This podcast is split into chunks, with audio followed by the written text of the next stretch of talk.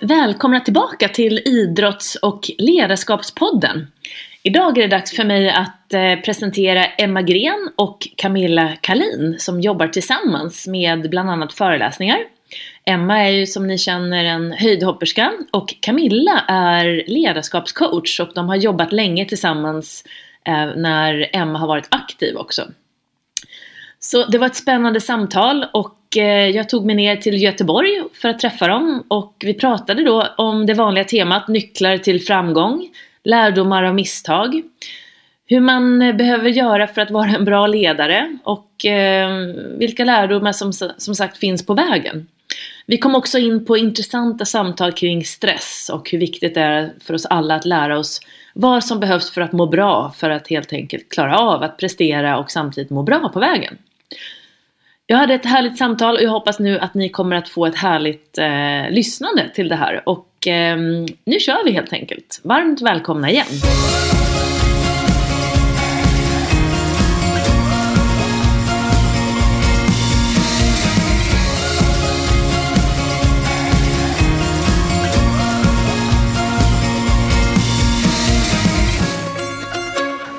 Ska vi se så befinner vi oss nere i Göteborg och det är den 24 oktober 2016.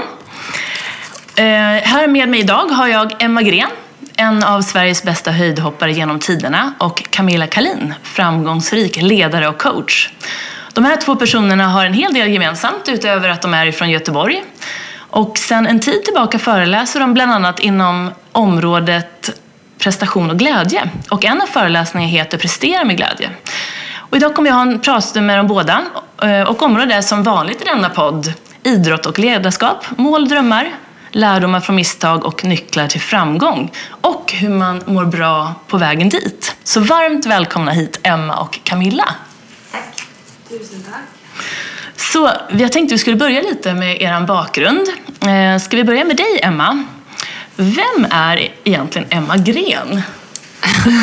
ja, vem är det? Um, Ja, vad ska man säga? Jag hoppar höjd då såklart. Eh, och eh, de flesta känner mig väl för det. Eh, jag gör min eh, sista satsning på det. Så till vintern så eh, planerar jag att eh, göra mina sista tävlingar. Det är inomhus-EM i mars som är det stora målet.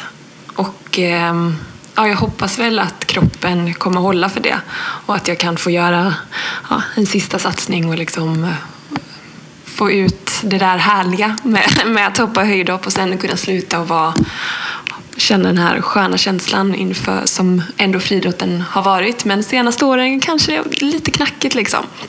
Eh, sen eh, har som du sa, jag och Camilla har precis börjat med det här föreläsnings och utbildningskonceptet som känns väldigt spännande. Och det känns också ja, det är väldigt roligt att kunna ja, starta upp någonting som eh, ja, vi planerar att eh, fortsätta med och som förhoppningsvis liksom har fått lite snurr till, till våren när jag, har, när jag har lagt skorna verkligen på hyllan. Eh, och också härligt att liksom, ja, men få suga lite på den här friidrottskaramellen. Ja, men vad spännande det låter. Ehm, och Camilla Kalin, vem är du och vad gör du idag? Ja, eh, man tänker att det ska vara en enkel fråga. Vem är du?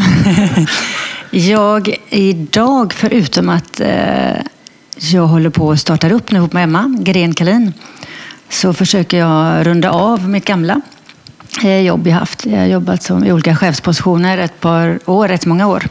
Samtidigt haft småbarn och eh, olika saker i livet. Så jag försöker att runda av det och få lite struktur för att sen kunna ta mer fart och köra vidare. Så det blir en bra timing med Emmas när hon lägger skorna på huvudet. Eller inte skorna på huvudet, skorna på hyllan kanske. Hon kanske lägger dem på huvudet. Det kan man aldrig nämligen veta med Emma. Eh, så där är jag nu, både rundar av och startar upp. Mm. Ja, jättespännande. Vad var det som gjorde att ni började jobba tillsammans? Eh, ja, jag kan börja med våran, eh, hur vi lärde känna varandra. Och, eh, vi lärde känna varandra på eh, friidrottsgymnasiet här i Göteborg. När jag, eh, eller det var väl egentligen bo, både ganska så, så här starten både på bådas friidrottskarriär. Kan man säga. Kan man nästan säga. Jag hade väl hållit på lite liksom på en lite lägre nivå men jag började när jag var 14-15 ungefär med friidrott. Eh, och innan dess hade jag ju liksom varit med på lite friidrottsskolor och sånt. Men jag var ändå ganska ny. Men jag kände ju att friidrott var ju verkligen det, var det jag kände jag ville satsa på. Liksom. Och då um, sökte jag in till friidrottsgymnasiet eh, och kom in. Och då mötte jag Camilla eh, som också kom in som ny i friidrottsvärlden? Kan man säga. Jag kom från eh, badminton som var min, om man nu säger modersidrott då. Mm. Sen hade vi något som heter elittränarråd här i Göteborg. Så det var en av friidrottstränarna som sa att eh, ja, men, jag tyckte väl att friidrottare var rätt så eh, ja, klena typer. De tränade lite grann några minuter eh, nej, och sprang lite grann och stretchade mest tyckte jag. Nej, det var lite mer skämt där, men då, på den vägen var det. Och jag tog, antog väl en utmaning att söka mig till jobbet på friidrottsgymnasiet och jag råkade också få det. Mm. Och, och det var ju också lite grann starten på hela alltså svensk friidrotts riktiga när det bara, man kan säga, gick bara uppåt eller ja. neråt. Så en enorm framfart med framgångar. Mm. Och när var det här? Du sa att du var 14-15 men... Uh, ja, ja, precis. När var detta? 99, 2000 ja, någonting där. Ja. Mm. Så det är ju några år sedan nu. Och efter det har ju vi liksom levt eh, parallella eh, i parallella liv. Fast liksom, ja, men vi har haft kontakten hela tiden på massa olika sätt. Och vi har sagt att vi, vi, vi är inte egentligen privat vänner fast vi vet ju otroligt mycket om varandra och har varit med om väldigt mycket saker i livet. Alla st stora händelser har liksom Camilla varit med på och uh, vet nog. Alltså det är väl mina, ja, men, mina absolut närmsta vänner och uh, min familj och Camilla som vet liksom mest om mig. Och det är väldigt en härlig relation att ha och det känns väldigt fint att börja Eh, därför tror jag att det var väl därför vi landade i att vi ville göra någonting tillsammans. För jag tror att vi har båda eh, vi vet vad vi har varandra, men också det där, vi, vi, är, vi står varandra nära men ändå inte har den här personliga vänskapen som kan eh, ja, men stå, Stöka till det. Ja, men precis. Mm, just det, jag förstår. Mm. Så vi kommer återkomma mer sen till just era föreläsningar och det här med just att prestera med glädje och så. Mm. Men jag tänkte vi skulle prata lite mer om så bakgrunden och eh, om vi börjar med dig igen då, Emma. Mm. Så för att prata om din idrott och så här, och du nämnde ju att du valde friidrott. Så varför tror du det blev just det då som blev det du valde? Eh, ja, dels, eller framför allt så kommer jag från en friidrottsfamilj. Både mina, mm, eller både mamma och pappa höll på när de var små. Eller unga, de la av ganska tidigt men de var, ja, men båda hade väl, eller var väldigt talangfulla. Eh, och även eh, ja, men deras eh, ja, vi kommer från friidrottssläkt helt enkelt liksom, och var uppväxt bara med det. Och jag och min bror, vi höll alltid på liksom, att springa och hoppa och tävla mot varandra. Det var inte bara friidrott, men mycket friidrott. Och pappa hade grävt som en längdhoppsgrupp, han hade gjort höjdhoppsställning och mätt ut liksom ja, 100 meter, 60 meter, 200 meter utanför på gatan. Så att vi, ja, det, det fanns liksom, det var så himla naturligt. Och sen så um, fastnade jag väl också för att eh, ja, men kompisarna i friidrotten, min bror han eh, började samtidigt som jag men sen eh, valde han fotboll istället för det var där han kände sig sig hemma. Medan jag kände mig verkligen hemma på, på friidrottsbanan. Så det är en kombination av olika faktorer. Men eh, jag hade ju nog inte upptäckt friidrott om inte mamma och pappa hade liksom introducerat mig på det sättet. Just det. Mm. mm. Ja. Och när, när, blev det allvar? Var det, när ja, det var väl mm. kanske ja, 14-15 där, så ändå mm. ganska sent. Mina föräldrar försökte, eller de var väldigt uppmuntrande till att vi skulle hålla på med något aktivt men sen ganska så, så här ja, men de ville inte pusha för tidigt heller för de hade lite gått i den där fällan att eh, börja satsa för tidigt och, och sen tappa suget. Så de ville väl hålla lite på det så att man sen bara exploderade in i det och inte ville få något annat. Ja, men, åh, spännande. Så, så hur började du träna? Så du nämnde friidrottsgymnasiet. Mm. Så hur tränade du om man tänker fysträning kontra teknik och mental träning? Eh, till en början, där när jag var, ja men säg då 14-15, då var det ju alla typer av eh, ehm, ja, men friidrottsgrenar. Sen så i friidrotten så upplever jag det att det är väldigt, liksom från början, eh, ja, men, vi körde ja, men fysträning, alltså, ja, men allmän fys och sådär. Eh, Men alltid i de åren så var det alltid liksom en liten teknikdel i det. Men ihopblandat med liksom, ja, men lite styrketräning, lättare form av styrketräning, uthållighet och ja, men så här, allmän fysik. Liksom. Man kan säga att ni körde väldigt mycket med kroppen. Ja, absolut. Ja, men man började se, lite senare med liksom vikter och sånt. Men absolut, precis. Mycket styrka med, med bara kroppen och allt möjligt. Och sen oftast så fick eh, man välja liksom att eh, ja, någon teknikgren och jag valde i princip alltid höjd. Och ibland var det inte någon som eh, fanns där för att liksom guida i höjd så då fick man ju välja något annat, tyvärr. Ja. Men, eh, så att jag riktade mig ganska så snart in på, eh, på höjdhoppen då. Men också för att jag började så pass sent faktiskt. Ehm, så, mm, men jag kan väl säga att alltså den här mentala träningen kom nog in, eller det kom in ganska så sent. Eh, eller både och. Jag vet, kommer ihåg liksom att tidigt att vi ändå hade någon slags, liksom, eh, bara allmänt i, ja, men som du säger, både på friidrottsgymnasiet och eh, i tränings, av tränarna och sådär. Eh, lite så här avslappningsgrejer och sånt. Så det fanns ju, jag tror att på något sätt så undermedvetet eller i, bara i allting eh, i paketet liksom, så kom nog insikten och eh, eh, ja, det fanns ändå liksom. Mm. Sen så senare under min karriär när jag upplevde att jag körde fast lite, då började jag ta hjälp av en idrottsrådgivare. Ehm, Men det var väl, ehm, ja i och för sig, jag har jobbat med henne länge men, nu, men, men det kändes ju som att det var liksom, det var när jag hade slått igenom i alla fall. Eh, Och ja, upplevde att nu har jag tappat bort mig här och glädjen och sådär. Nu behöver jag hjälp vägen igen liksom, för att hitta tillbaks till hjärtat och till, till det där som jag bara hade naturligt tidigare. Men Vilken ålder var du då? Eh? Jag tror jag var kanske eh, 25, 24, Ja. 24, 25 Ja. kanske. Så om man, hade du några tydliga mål och drömmar och visioner när du var ung friidrottare och liksom, hur jobbade du med dem? Jag tror alltid mina mål har varit att, ehm, ja, att utvecklas, bli bättre. Alltså självklart så slår mitt personliga rekord hela tiden. Och sen är det ju, i friidrotten är det på ett sätt väldigt enkelt eftersom allting är så otroligt mätbart. Så det finns liksom, man kan inte gömma sig bakom någonting utan du får ju alltid allting svart på vitt. Så att i mitt fall har det nästan varit att försöka hitta känslan i det.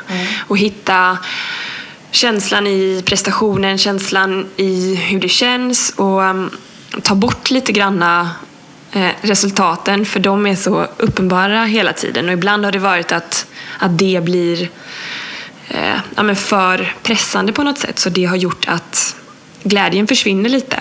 Men självklart är det ju att utvecklas, bli bättre, att ta sig till mästerskapen och att prestera där, ta medaljer och att hoppa högre. Och sen så, alltså när det kommer till kritan handlar det ju om att göra sitt bästa varje dag, i varje situation, på varje träning och av de situationer som uppstår.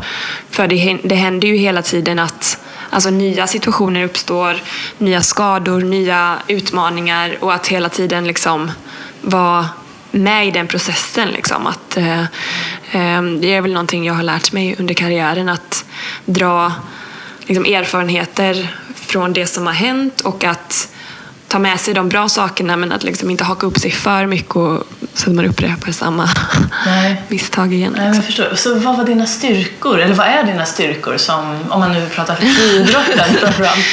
Ehm, det är nog just det där perfektionist, alltså att jag vill göra allting så bra som möjligt hela tiden. Eh, och eh, att jag ehm, ja, försöker att göra det bästa utav de situationer som uppstår. Mm. Jag kan ju tillägga att det är få jag träffar som har ett, ett sånt skarpt fokus som du har. Eh, när det behövs. Eh, ja, men, Jag har följt det rätt många år nu i Mm. många olika delar. Mm. Alltså, shit, att liksom vara bäst när det gäller, att försöka det verkligen oavsett om du kan prestera bäst när det gäller. Eh, men att verkligen försöka göra det, det där har du en styrka. Tack. Ja, vad kul. Ehm, och vi kommer komma in lite mer på det ändå. Jag är jättenyfiken också mer på det här med mentala träningen, hur, hur du använder det idag också. Men Camilla då, din roll som ledare och coach. Ehm, du har ju jobbat liksom länge som ledare och coach. Ehm, hur började det och hur kom du in på den rollen från början?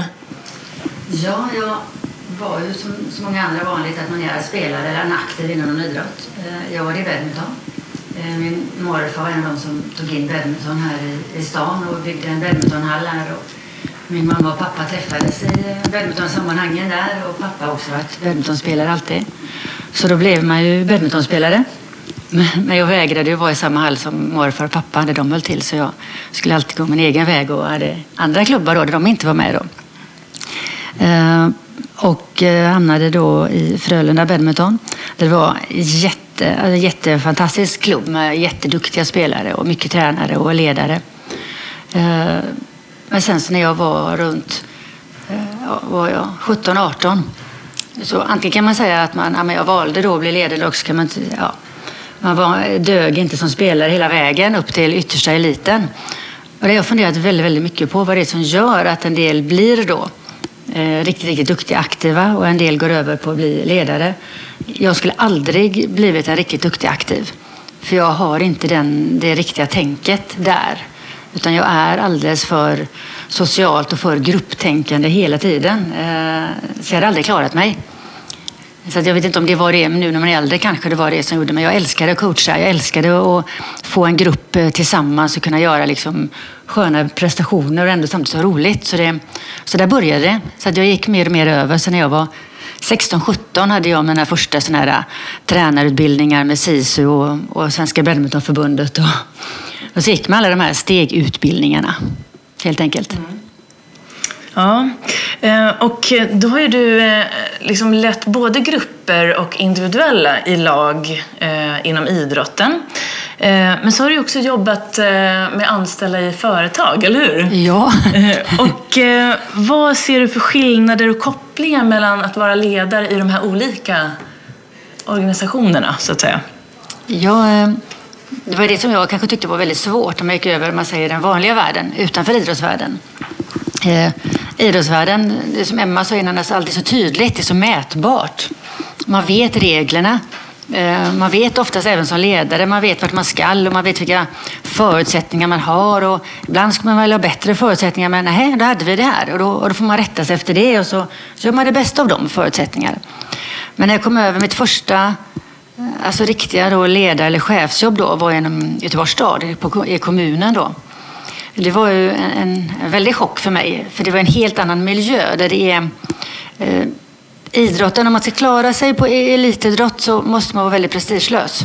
För prestige, som du säger, det, det kommer man ingen vart med. Alltså det vinner man inga medaljer med, eller det leder ingen vart.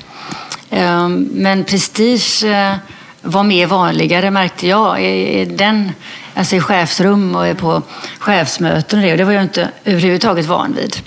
Det var en otydlighet. Eh, jag hade väldigt svårt att anpassa mig efter att, men vart leder detta? Alla de här mötena vi har här hela tiden, varför har vi dem? Och vad, vad är det för nytta med detta? Eh, Så det, var en, det är en otydlighet eh, i kommunen, det var jag först då. Jätteotydligt, så att jag, jag tyckte att det var väldigt svårt att få till prestationen eh, och veta när ska jag fokusera hjärnet. Det vill säga, alltså, när, är när gäller det? Eh, Och i och med att man, då blir man trött. I och med att man hela tiden går på helspänn med prestigen runt, otydligt är det, så hinner man aldrig slappna av. Man hinner liksom aldrig ta ett gott garv eller liksom en kopp kaffe och bara för, för det vet vi ju inom idrotten, att vi kör järnet, men så vet vi också att det är vilan, det är då vi blir bättre. Att vi måste göra de här pauseringarna, vi måste spela flipper ibland eller ja, men, bara koppla bort. Men det kunde man aldrig göra här. Och det tog väldigt länge för mig att Ja, jag lärde mig väl aldrig det heller, kan man väl vara ärlig och säga. Men, men det är det jag ser den stora skillnaden. Men kunde du ta med, försöka, försökte du ta med dig det in då i ditt jobb? Att Frågade du om mål och att du kände dig... Fick Ja. du något gensvar där? Ja, ja det, får, alltså det fick jag ju mycket mer med, om man nu säger, jag tycker det är ett väldigt tråkigt ord, medarbetare. Med, med gänget jag jobbade med. Där fick man det. Och då kunde man liksom verkligen banka in det. Men man var inte van vid heller den typen av ledarskap. För att man var van vid en annan typ av ledarskap. Eh, och sen blir man ju inte alltid lika bekväm. Det blir man ju aldrig i sammanhang om du inte går in och säger ja tack till allting. Utan att du frågar. Man kan ju, man kan ju fråga. Men det är oftast uppfattar det som att man ifrågasätter. Och på ett sätt så ifrågasätter man ju, men man gör ju det av en, av en, en ärlighet och med, med hjärtat med. För vi vill framåt. Och då är det ju ifrågasättande fast i positiva lag. Och ibland att det blir lite obekvämt, för det är då det blir bättre sen. Liksom. Ja. Just det. Så vad, tror- vad är dina styrkor som ledare och coach? ja men jag är nog um, hyfsat modig. Eh, Nej, du är väldigt modig, Camilla. Ja. eh, försöker vara positiv. Eh, försöker vara öppen. Och så är jag ovanligt prestigelös. Eh, för det brukar man inte vara när man har de här andra egenskaperna. Att man då är, kompetent och modig och man står på sig. Och så är du väldigt eh, omtänksam. Ja, jag försöker vara det. Jag försöker tänka på människa hela tiden. Eh, och det är det jag... jag menar, I alla år så är det det som genomsyrar. Ja, härligt. Och eh, hur jobbar du med mål och visioner? Liksom med Ja. de du jobbar med, om man tänker både om du jobbar med en grupp eller om du jobbar individuellt med någon. Har du hittat någon linje där? Ja, men det har jag. Eh, och det är att man måste först prata om dem. Eh, först upp med dem i huvudet. Eh, och så att liksom känslan alltihopa är med. Och sen skriva ner det. Jag är ju inte så IT-aktig eller digital så att jag, jag gillar att skriva på något sätt. Så tror jag det att man skriver det på ett papper eller ett block så här så, så har vi det liksom, att man bär med sig det. Sen tror jag det är jätteviktigt att man tittar på dem då och sen att man också försöker få den aktiva eller gruppen och laget att förstå det finns inte en väg framåt. Bara vi är överens om visionen och målet så får vi alla hjälpas åt. Hur ska vi nå dit? Och sen checka av också, liksom, är, är alla med? Alltså går det för fort eller, och varför är inte en del med? Är man, en del säger att men en del är tröga. Ja, det kan man vara, men det kan man nästan ibland inte hjälpa. Men de som är aktivt tröga, det kan man hjälpa. När man aktivt motarbetar någonting. Och då, så, att, så man får känna av lite grann. Mm, just det. Så eh, vi var ju lite inne på det, men finns det något, om det är någonting som du tror näringslivet och dess ledare kan lära utav idrotten, vad skulle det vara då? Ehm, jag tror det. Jag tror att det här både med både att sätta mål och visioner, men mål och visioner som är närmare verksamheten man håller på med och att man känner dem. Det, om vi jämför med, med Emmas hoppande här så, så det har varit väldigt svårt för Emma att motivera sig hundraprocentigt varje träningspass om inte hon hade känt målet. Om inte hon hade känt vad det är jag skall och hela jag är med på detta. Ehm, och det tror jag är jätteviktigt att man, man har på ett företag. Så att alla känner, ska vi hit? Och att man är ärlig med, vad kan jag vara med och påverka? Om man säger, oavsett hur mycket Emma skulle vilja påverka den här ribban, att den ska ligga kvar eller inte, så, så är det andra som har bestämt reglerna. Du har tre hopp på dig. Grejer du inte då, det spelar ingen roll att du inte kände dig riktigt redo eller vad det, utan nej, jag är ledsen, du är ute. Eh, men på, på ett, en arbetsplats ofta så är det så otydligt. Och så låtsas man att man kan vara med och bestämma om allt och det, och det kan man ju inte. Bättre att vara rak och tydlig. Det här kan du vara med och påverka. Jättebra. Då vet man det. Eh, Jag känner igen det så väl, för att i min bakgrund som golfare och idrottare så var det ju väldigt tydligt med målen. Sen när jag då kom in och fick chansen att vara VD då tyckte jag ju fantastiskt och jag tänkte det här kör jag. Men när målen, det här att ta över den här tydligheten som ändå fanns i golfen med du har en flagga, du har ett resultat, du vet vad du ska göra. Det var jättesvårt. I, och man kan ju tro då att jag som idrottare hade alla de här egenskaperna, att det skulle vara lätt för mig att eh, ta över en organisation och driva den. Men det tog, eh, jag- som sagt, jag tror inte ens jag lärde mig Nej. efter Nej. sju och ett halvt år hur mycket jag än försökte. Men man Nej. hade ju någon form av drivkraft Ja. att vilja. Men sen har du då ett gäng människor som kanske har olika ambitioner. Ja. Inom liksom, ja, de har olika, alla vill inte liksom nå kanske samma mål om inte de är tydliga. Nej. Och om man är inte med en arbetsplats av samma orsak heller som du säger. Utan en del är där frivilligt, en del är där Eh, och man tycker det här är jätteroligt. Och man har så olika delar. Och sen, vad jag har funderat jättemycket på det sista, det är just detta med ledarskap. Och vi har mycket ledarskapsutbildningar och det, men det är precis som du säger nu, eh, hela gänget måste ju med. Alla måste ju tränas i detta tänket eh, och få bort. Och har man då haft någon innan som kanske varit en jätteprestigefull ledare och velat vara ledare för sin egen karriärs skull enbart och man trampar på, på grupper för att ta sig upp. Ja, då är det inte lätt för den här gruppen som man sen ska leda. Och, ja, men jag är inte sån. Utan, så jag tror det är jätteviktigt att vi tränar, som jag säger, på att få vinnande medarbetare också. Mm. För de är, de är ju sportslösa, alltså de, är, de har ingen sportsmössa. så de är, de är chanslösa. Så bara en annan vinkel ändå, för det här, det här tycker jag är så, det är så himla tydligt med vad näringslivet eller organisation kan lära av idrotten. Men tror du det finns någonting som idrotten kan lära sig av företagsvärlden eller i näringslivet? Sådär? Absolut. Eh, och jag tror att, jag tror att vi i idrotten ibland, vi, ibland så går det på och det lunkar på. Man gör liksom inga riktiga... Alltså det idrottsliga, man säger, det tror jag vi är jätteskarpa det vet vi, liksom. men alltihopa runt omkring, liksom, ledarteamet runt omkring, organisationen och hur en förening ska skötas. Och detta. Där tror jag vi har jättemycket att lära av det här professionella förhållningssättet. Mm. Att läsa igår mm, någon, någon fotbollsmatch uppe i Stockholm där det hade blivit ut sånt tumult efteråt att en, en förälder hade brutit benet och domarna och föräldrar hade varit i handgemäng. Det, det, det tror jag inte hade hänt på en arbetsplats. Ja, det kan ju kanske hända, men jag tror det hade varit ovanligare. Och vi läser mer och mer om det. Så jag tror att organisationen runt själva den faktiska idrottandet, där har vi jättemycket att lära. Om det här professionella förhållningssättet. Mm. Mm, det tror jag med. Ja, vad spännande. Så om vi kommer in lite grann här på nycklar till framgång. Så om vi går tillbaka till dig då, Emma. Så din resa genom fri, inom friidrotten har ju innehållit många framgångar. Mm. Och du är idag en av Sveriges främsta höjdhoppare genom tiderna. Eh, så vad tror du är framgångsfaktorerna vad gäller att lyckas inom sin idrott? Eh, ja... Eh, nej, men först och främst är det väl är alltså glädjen, alltså kärleken till idrotten. Om inte jag hade verkligen eh, alltså älskat att träna, tävla, då hade det ju det här inte gått. Och sen att eh, under nästan hela min karriär ha en, en, liksom en härlig träningsgrupp och gemenskap. Jag, jag hade ju inte börjat från första början om jag inte hade känt gemenskapen. Eh, det tror jag inte. Eh, men, eh, och sen så har ju min egen, alltså känslan i att vilja prestera själv vuxit ehm, kring det. Och, men samtidigt har vi ju hela tiden varit uppbackad av en härlig liksom, atmosfär och, och träningsmiljö.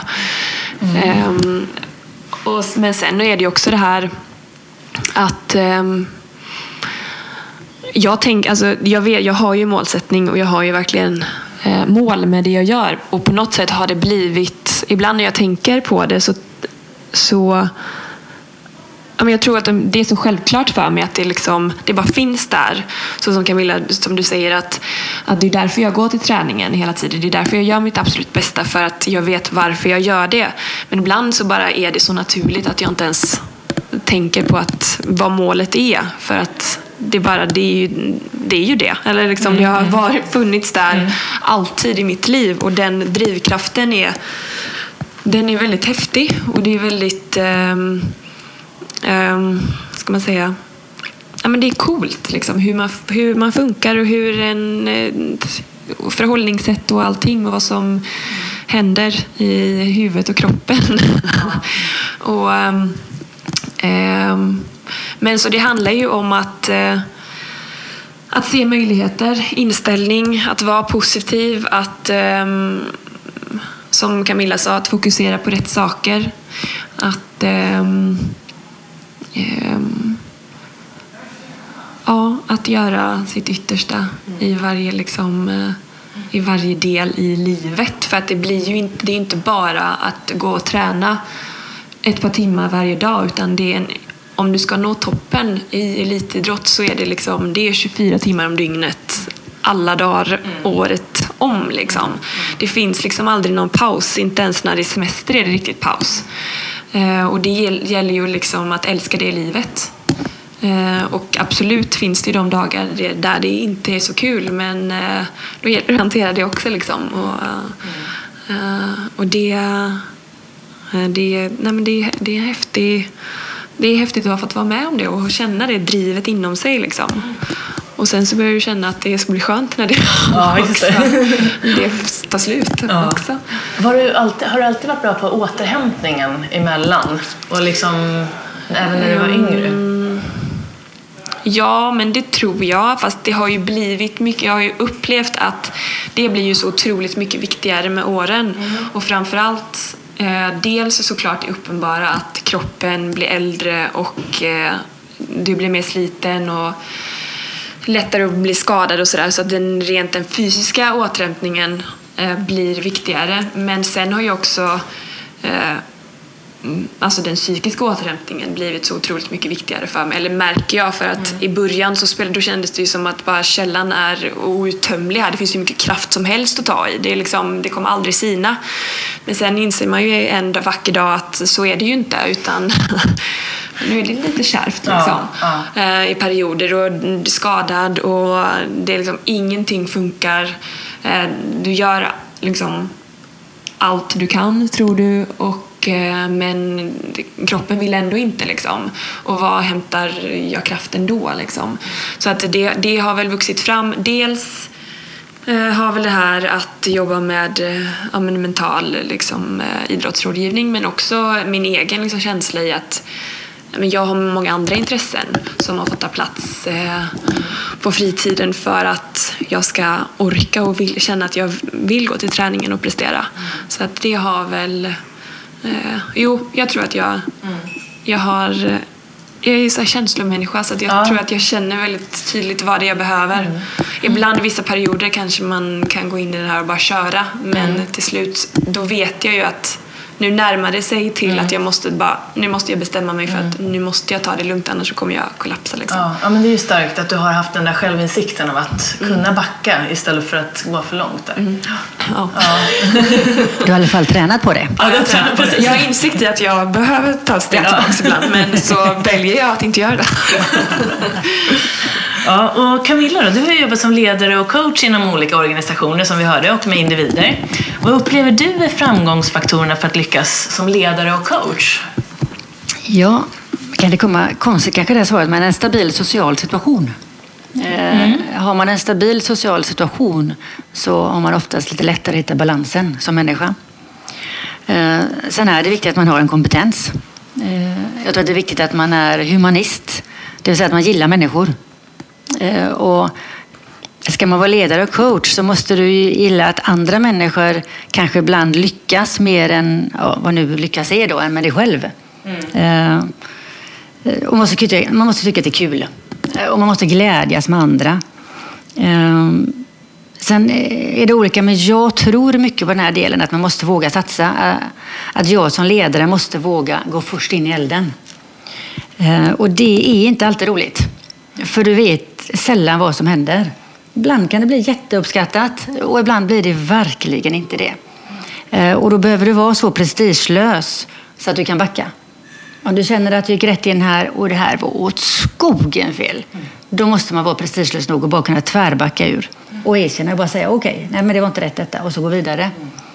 Eh, och att man är äkta.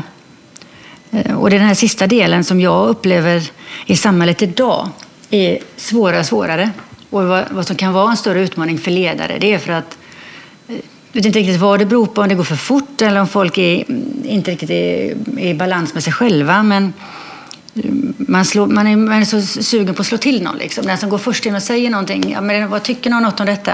Eh, ja, jag tycker så här. Tycker du så där? Nej, då jädrar liksom. Så att eh, klimatet idag gör det svårare att fortsätta vara den här som går först in i elden. Men, men jag tror fortfarande på det. Jag tror att det är jätteviktigt att vi ledare vågar stå för saker. Och sen också såklart då vara prestigelös nog och ändra sig när vi har fel, för det har vi ofta. Men, men det måste vara en skillnad mellan ledare. Att, alltså vi måste våga leda helt enkelt. Ja, eh, och eh, vad är de viktigaste nycklarna till framgång som du lär ut då i din roll som coach? När du har en adept så att säga, eller en... Det är faktiskt eh, att ha kul. Ja. Eh, För det, ja, men det är kört annars. Det är fullständigt kört. Det finns ingenting annat. Jag har i så många, jag har på så många år nu och jag är fortfarande helt fascinerad över, men på riktigt, Finns det fortfarande någon som tror att man kan bli bäst i världen för att man tjänar mycket pengar och vinner en gul Porsche och får flytta till Monaco? Alltså, nej men på riktigt. Alltså, mm. Mm. Det, ja, det är en bieffekt mm. och det är, det är en trevlig bigrej. Men det finns ingen som kan ta sig långt fram inom någonting. Varken idrott, företagande eller någonting. Om du inte tycker det är kul och du inte tror på det. Eh, och du måste glädjas åt både dina egna och andras prestationer. Det är, det är en jättenyckel. Det går inte att vara avundsjuk på andra. Det går inte det. Eh, och att man måste våga.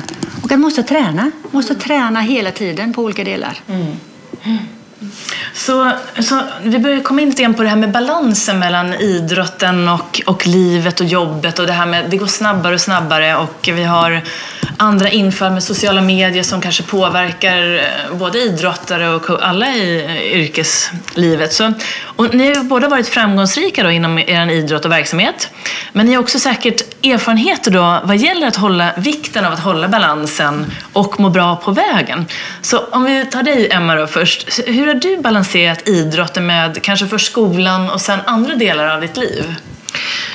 Um, ja, för min del har det väl, först var det väl, jag slog ju igenom ganska tidigt så att jag har egentligen under nästan hela min karriär kunnat liksom elitsatsa på heltid, vilket har varit fantastiskt. Men det gör ju också att pressen som jag har satt på mig själv framför allt och som jag har upplevt utifrån, framförallt i början av min karriär, ehm, det har väl kanske varit det som jag har behövt balansera upp på något sätt och få inse just det där som Camilla säger, att hitta glädjen. Och, ehm, jag har väl att ha kul, att ehm, vad ska man säga? Ja, men I början av karriären var det ju väldigt lätt att bara Eh, innan jag slog igenom. Då var det ju bara glädjen, bara ha roligt tillsammans i, på träningarna. Det var det enda som var, som var viktigt. Tills jag en dag eh, råkade bli så pass bra att jag tog ett eh, VM-brons. Och bara kände att nu måste jag prestera. Eh, nu måste jag eh, eh, hoppa minst lika högt nästa år, eller högre måste jag ju såklart göra, jag måste ju bli bättre och jag måste fortsätta ta medaljer.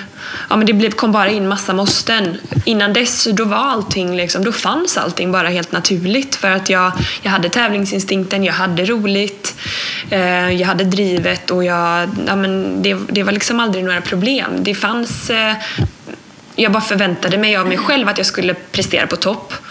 Eh, men inget annat liksom. Och skador hade jag ju liksom inte...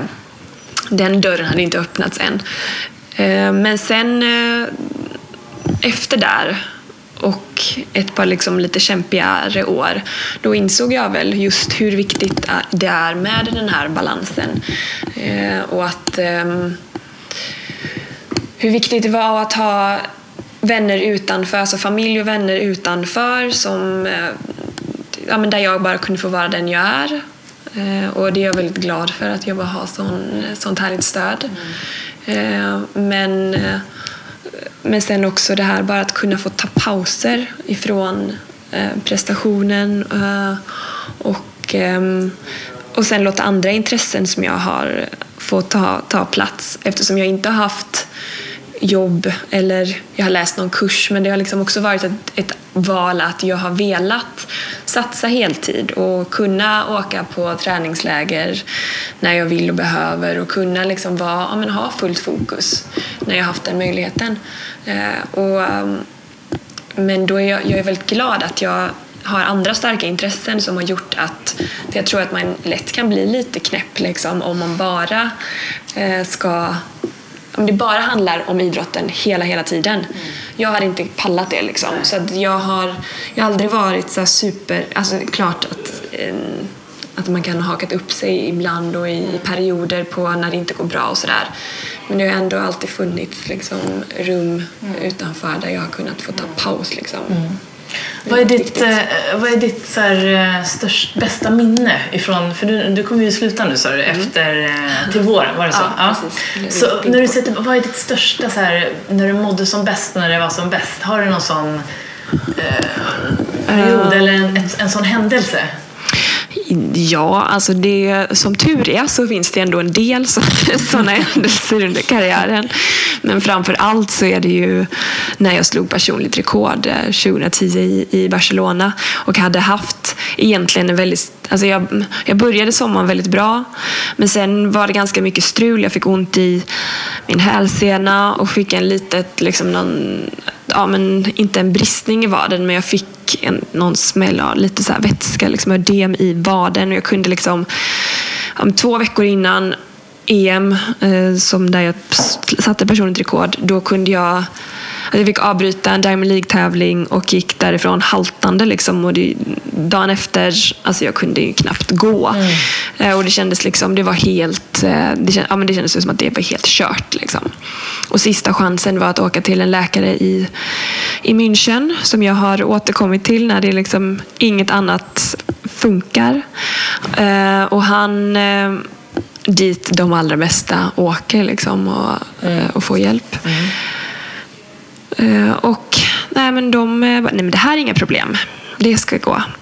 Eh, och det var väl också en sån där att jag kände att, att jag kände att det var kört, men jag fick också den här mentala eh, ja, men det, när, man, när man tror att det liksom inte kommer gå. Och då är känslan i att, Eh, att känna hur mycket och hur gärna jag ville vara där och hur jag kände mig i så bra fysisk form förutom den här skadan då. Så fick jag så jäkla mycket energi och jag kände bara jag, kommer, jag ska göra allt. Jag ska göra precis allt för att jag ska stå där på startlinjen. Och det var någon slags häftig känsla i att bara få all den energin när, när man känner att det nästan liksom, ja, tas ur händerna på en. Så jag åkte dit ner och var där nere några dagar. Fick jättemycket behandling för min hälsena. Um, det är inget konstigt, men det är inget som man får göra i Sverige, utan för det är så här eh, homeopatbehandlingar som inte är tillåtet i Sverige. Så bara naturläkemedel. Eh, och och eh, det gjorde jäkligt ont, men jag hade bara bestämt mig för att det ska funka. Så att eh, när jag kom därifrån så kände jag mig så jäkla bra. Eh, och eh, jag bestämde mig bara för att nu jag ska, jag ska ställa mig på startlinjen och det ska gå grymt. Liksom. Nu har jag fått liksom en sån här, fått en andra chans liksom, som inte ens var möjligt. Och det, det, det är skitsamma om det gör ont, det ska bara funka. Eh, och då tog jag mig till en final och sen så slog jag personligt rekord hoppa 2.01. Och det, var, det kändes som att när jag slog igenom 2005 och hoppade en och 96. Jag persade där också och tog ett VM-brons helt liksom på mitt första VM. Det bara kom liksom från, från ingenstans och jag hade, det kändes inte riktigt som att jag hade kämpat för utan det bara, puff, mm. det bara blev så. Liksom. Mm.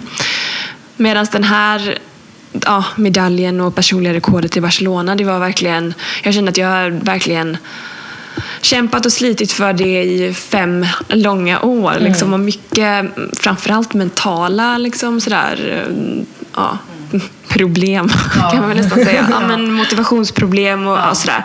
Så det var så jäkla härligt. Det var så skönt. Och det var så en häftig, härlig känsla. Ja. Så det är ett utav de härligaste tillfällena i karriären. Ja, gud vad härligt. Men eh, så fortsätter du, har du jobbat fortsatt med mental träning under alla år lika mycket som när du började där? Med din mentala eh, rådgivare? Ja, både och. Det är klart att till en, när jag började med mental mm eller idrottsrådgivning så ehm, då är det klart att det var på ett helt annat sätt. För dels så skulle jag lära känna eh, den här personen och ehm, få klä mig med hur jag fungerar och vad, som, vad jag behöver få hjälp med och sådär. Och sen så har det väl mer liksom varit att en, ett skönt sätt att liksom bara få ja, men vädra sina tankar och få liksom ut någon... Alltså ibland så har det ju känts, eller väldigt många gånger har det känts som att jag behöver inte gå hit. Men det är bara väldigt skönt att få ja, men, eh, tänka lite och reflektera. För ibland så är det väl det som, som behövs mest. Sen kan jag tycka att många gånger när man gör sådana här saker eller om man pratar med journalister, då blir det lite sådär att man får reflektera och tänka till. Så att även om det eh, inte alltid är det roligaste så, så har det också varit en del i, i det här eh, reflektion och lite mental bearbetning faktiskt. Ja, ja men jag förstår. Ja, vad spännande. Och Camilla, vad är dina erfarenheter och eh, lärdomar kring det här att hålla balansen mellan sin idrott eller sitt jobb kontra sitt liv? Vad är liksom viktigast för att hitta balansen och må bra på vägen, tycker du? Ja, det är där jag har eh, fått lära mig den hårda vägen ordentligt. Ehm, det gick an, eh, som Emma beskrev förut, man kände att man hade mycket kraft som helst. Och det hade jag också tidigare, framförallt innan när det var bara jag, bara mig själv att tänka på. Men sen när man fick familj då, med barn och allt runt omkring där så, eh, så blev det ju mer. Och då slarvade man med olika delar som man inte kanske ens behövde slarva med innan. Men man, hade, man fick aldrig den här återhämtningen som man innan fick då. För att man hade ju lite andra roller också. Eh, så att nu känner jag, nu alltså, har fortfarande grunden med en stabil social situation. Mm. Varför jag återkommer till det så många gånger är för att, ja, det vet vi alla att det är grunden i, i allt. Um, vi måste ha det. Man måste ha någonstans att landa i när det mm. inte kanske går som man tänkt sig på andra plan. Man måste alltid ha en sfär liksom, där, där jag bara kan vara Camilla. Mm. Oavsett liksom. Uh, så att, att, man värnar om sin familj och sina vänner. Uh, och att man lyssnar på kroppen eh, lyssnar på kroppen mycket mer än vad jag har gjort. Eh, jag har den både för och nackdelen att jag kan ställa mig upp och köra järnet och folk tittar och säger ja men du verkar inte, nej absolut inte. Men så ramlar man ner sen när man kommer hem eh, och det är ingen vacker syn liksom. Kroppen mår verkligen inte bra någonstans. Mm. Men jag kan pressa min kropp eh, otroligt mycket. Mm. Vi vet ju det, vi pratade tidigare innan vi började lite om siffror med mental träning. Så det, man schablonartat säger man att ja, när man känner att man är helt slut så har man kanske 60-65% till kvar i kroppen. Mm. Och vi som hållit på liksom och vet detta. När man spyr så har man spyr så 40 kvar. 40 kvar ja. Och har man haft den inställningen hela tiden och tar med sig den sen som då, det är inte bra för kroppen. Absolut inte. Så att lyssna på kroppen eh, och lev som du lär. Mm. For God's sake, liksom. Mm. lev som du lär mm. hela tiden. Mm. Och vad var det som gjorde att du eh, kom tillbaka? Att du märkte att nu måste jag liksom ta hand om mig själv? Var det någon annan eller var det du själv som kom på det? Ja, det var eh, både jag själv och... Jag hade ingen val. Eh, kroppen eh, har jag lagt, la jag av. Liksom. Ja. Jag fick ju den här diagnosen som utmattningsdepression då. Mm. Där depressionen kommer utifrån på kroppen, att mm. det är för mycket runt omkring. Mm. Eh, och vi har haft, som Emma sa tidigare, vi har gått parallellt eh, hela tiden och, och det har vi verkligen gjort. Eh, det var mycket i mitt ledarskap eh, som påverkade. Så det var, det var tuffa saker på mig som ledare. Eh, som jag... Eh, ja, det var tufft, riktigt, riktigt tufft. Som jag ville klara av för människors skull. Människor som jag, som jag bryr mig mycket om. Eh, och det tog styggt på kroppen. Mm. Så att, eh, det var nog en blandning av mig själv och min familj. När man känner att nej men shit, jag är verkligen inte den, varken eh, mamman eller hustrun eller kompisen eller personen som jag vill vara. Eh, då måste man göra någonting. Mm. Mm. Helt enkelt. Så det gör jag nu. Ja, det är ju fantastiskt och det är ju de starkaste ledarna och förebilderna kommer ju av egna erfarenheter och att man vet både vad som funkar men också vad som inte funkar. Det är det som är så viktigt att eh, prata om. Så nu håller ni på och eh, föreläser tillsammans just i det här ämnet då, prestera med glädje. Vad är det ni fokuserar på framförallt i de här föreläsningarna? Eller i framförallt den föreläsningen, för det är andra också vad jag förstår. Mm, precis. Eh, vi har lite in, olika inriktningar och eh, nej, men det är ju just som titeln säger, framförallt att prestera med glädje. Att kunna göra det när vi bestämde att, eller för eftersom vi båda kommer från idrott och alltså, brinner för prestation eh, så och när Camilla sa att, att vi behöver ja, men prestation, Emma, det är det vi ska prata om. Och glädje var prestation. Glädje var nej, det går inte ihop i min hjärna. Nej. För att jag lever fortfarande så mycket i alltså att prestation är ändå någonting som är pressande och är lite stressande och lite ångest. Liksom, att det är krav eh, och det är ehm, Ja, men det är lite jobbigt bara. Det är lite så här, jag får lite sån jobbig känsla i kroppen. Ja. Och det är väl det vi så vill vi inte att det ska vara. Utan vi vill att det ska vara glädje. Att prestera ska vara eh, lustfyllt och eh, kul. Eh, Men vi tror ju att allt för många har den här känslan som jag beskrev och som är min första tanke, tyvärr. Och, och det är därför vi också försöker lägga, alltså, alltså prestera, alltså att man vet när, när och vad ska jag prestera. Så det inte blir så som jag beskrev tidigare, att, att, att man hela tiden känner att man måste prestera men så vet man inte riktigt vad och hur och allt är så otydligt.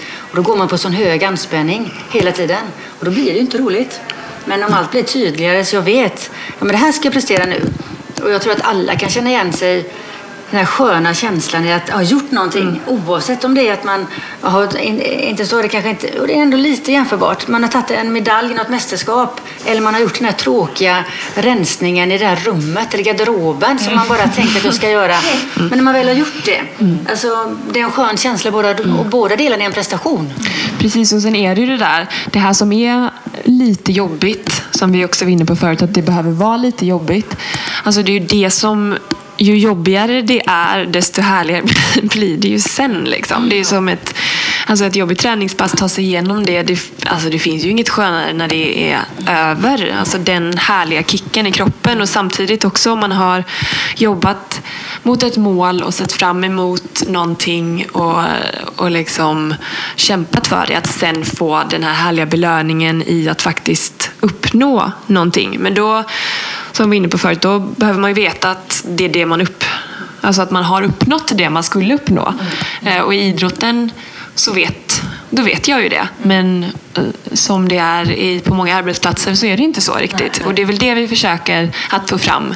Alltså parallellerna från idrotten eh, och arbetslivet, tydligheten som finns i idrotten och den otydligheten som finns inom arbetslivet. Och eftersom eh, alla håller inte på med idrott men de flesta kan liksom relatera och förstå det liksom, ja, tänket. det tänket ja. Mm. och, och sen också att det inte handlar om elitidrott. Alltså, Nej. så det Emma och dina Angeliken håller på med, det är ju inget hälsosamt. Nej. Men det vet vi om. Precis. Men, men, men, det, men vad som är det hälsosamma är liksom tydligheten i alltihopa. Och det som vi sa innan, allt är inte bra där men på något sätt att Men ramen och liksom Ja. strukturen Ja, är precis. väldigt hälsosam. Sen har ju jag valt att göra det ohälsosamt. Men det är ju mitt eget val. Ja, men det vet man ju. Ja, men, men precis, och, du, och du är ju medveten Ja, om det. exakt. Eh, och, men att vara på en arbetsplats med den här otydligheten, otydligheten som är, det är också ohälsosamt. Men det är oftast inte självvalt. För där kan man inte påverka. Eh, utan därför så vill vi gärna in och inspirera att hela laget, liksom, att alla ska ha en sportsmuss här att kunna hantera sig liksom, och, och få bra förutsättningar att klara att prestera. Och ändå gå hem och må bra och inte gå hem det är hur många vi har träffat nu när vi håller på med detta. Som, alltså det här rundsnacket. Alltså, Hur mycket tid som går åt till, till fel saker. Och att, att man pratar runt saker hela tiden istället för att göra saker. Och det är det som vi har sett i de här undersökningarna. Att 15 timmar per vecka försvinner. Per anställd. Per anställd, ja precis. Men per anställd i produktionsbortfall. För att man inte mår bra på jobbet. Eh, och alla kan relatera till det. Ja, men den kommer prata om det och den kommer prata om det och den. Jaha. Och så går det runt. Jag var på en arbetsplats för några år sedan där man, skulle, man hade dåligt med ekonomin. Ja, vad gjorde man då?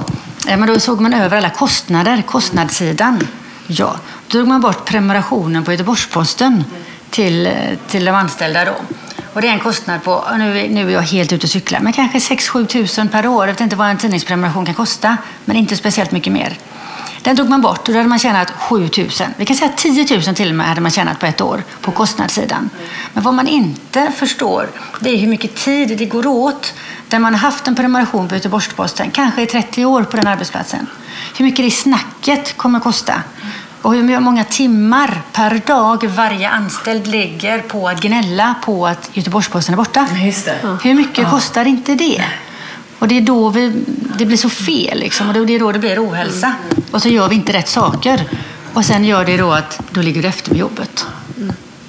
Ja, men såna här, det här behövs så väl. Jag känner att ni borde ha kommit till min arbetsplats innan slutet. Nej, men det låter så otroligt hands-on med eh, vad jag tror verkligen, just det här vad, id- vad näringslivet verkligen kan lära sig av idrott, men också tvärtom. Ni har ju verkligen båda sidorna där. Men, men vilka är de tre viktigaste faktorerna, om ni fick välja tre saker, för att lyckas prestera på topp och må bra på vägen? Emma? Har du några? Mm, Eller ni kanske har gemensamma? Ja, det har vi förberett här. Ja, det har vi bra. ändå tänkt till lite. Ja, då. Eh, balans, glädje och envishet. Och jag säger glädje ihop med andra. Balans och envishet.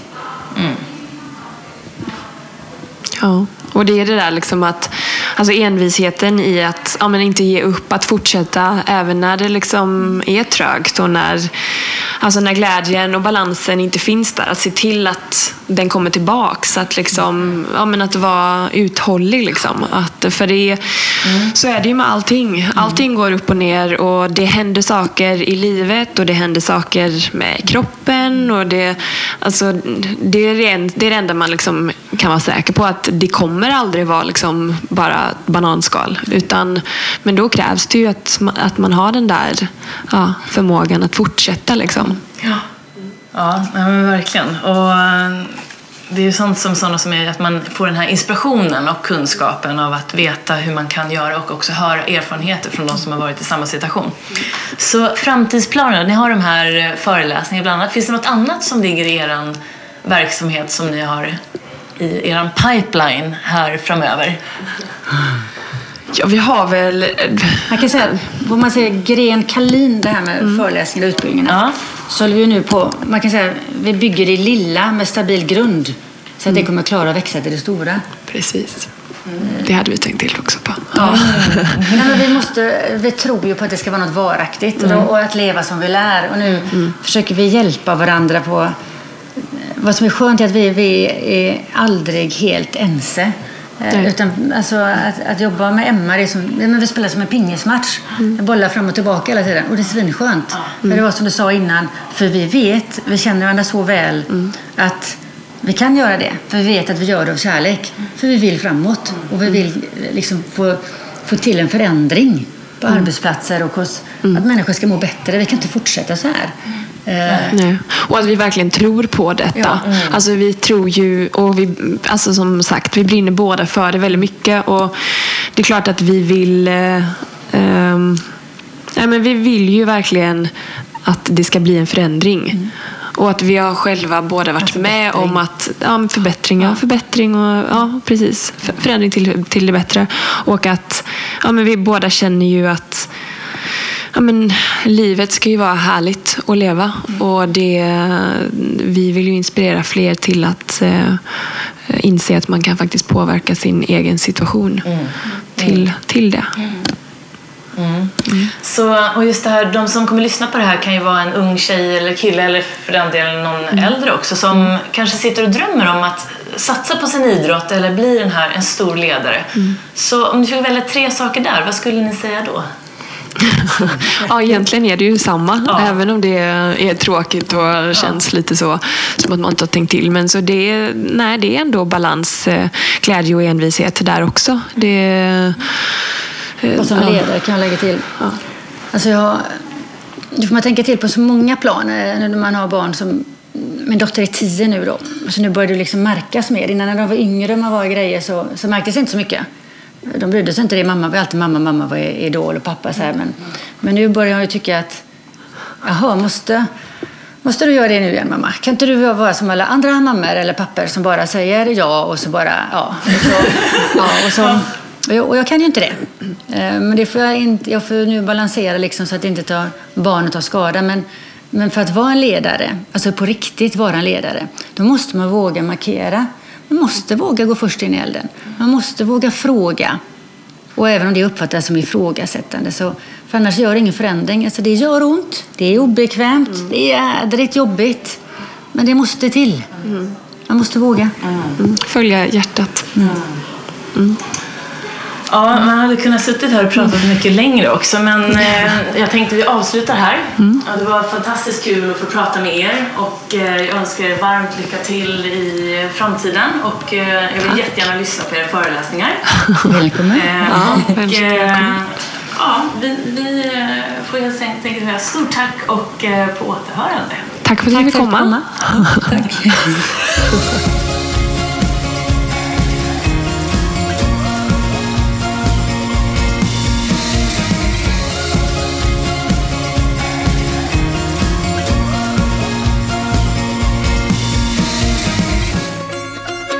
Då har vi lyssnat på Emma Gren och Camilla Kalin som delade med sig av sina erfarenheter och klokheter. Och eh, jag tycker att det var som sagt ett väldigt intressant och spännande samtal där vi kom in på många viktiga, intressanta och inspirerande ämnen tycker jag.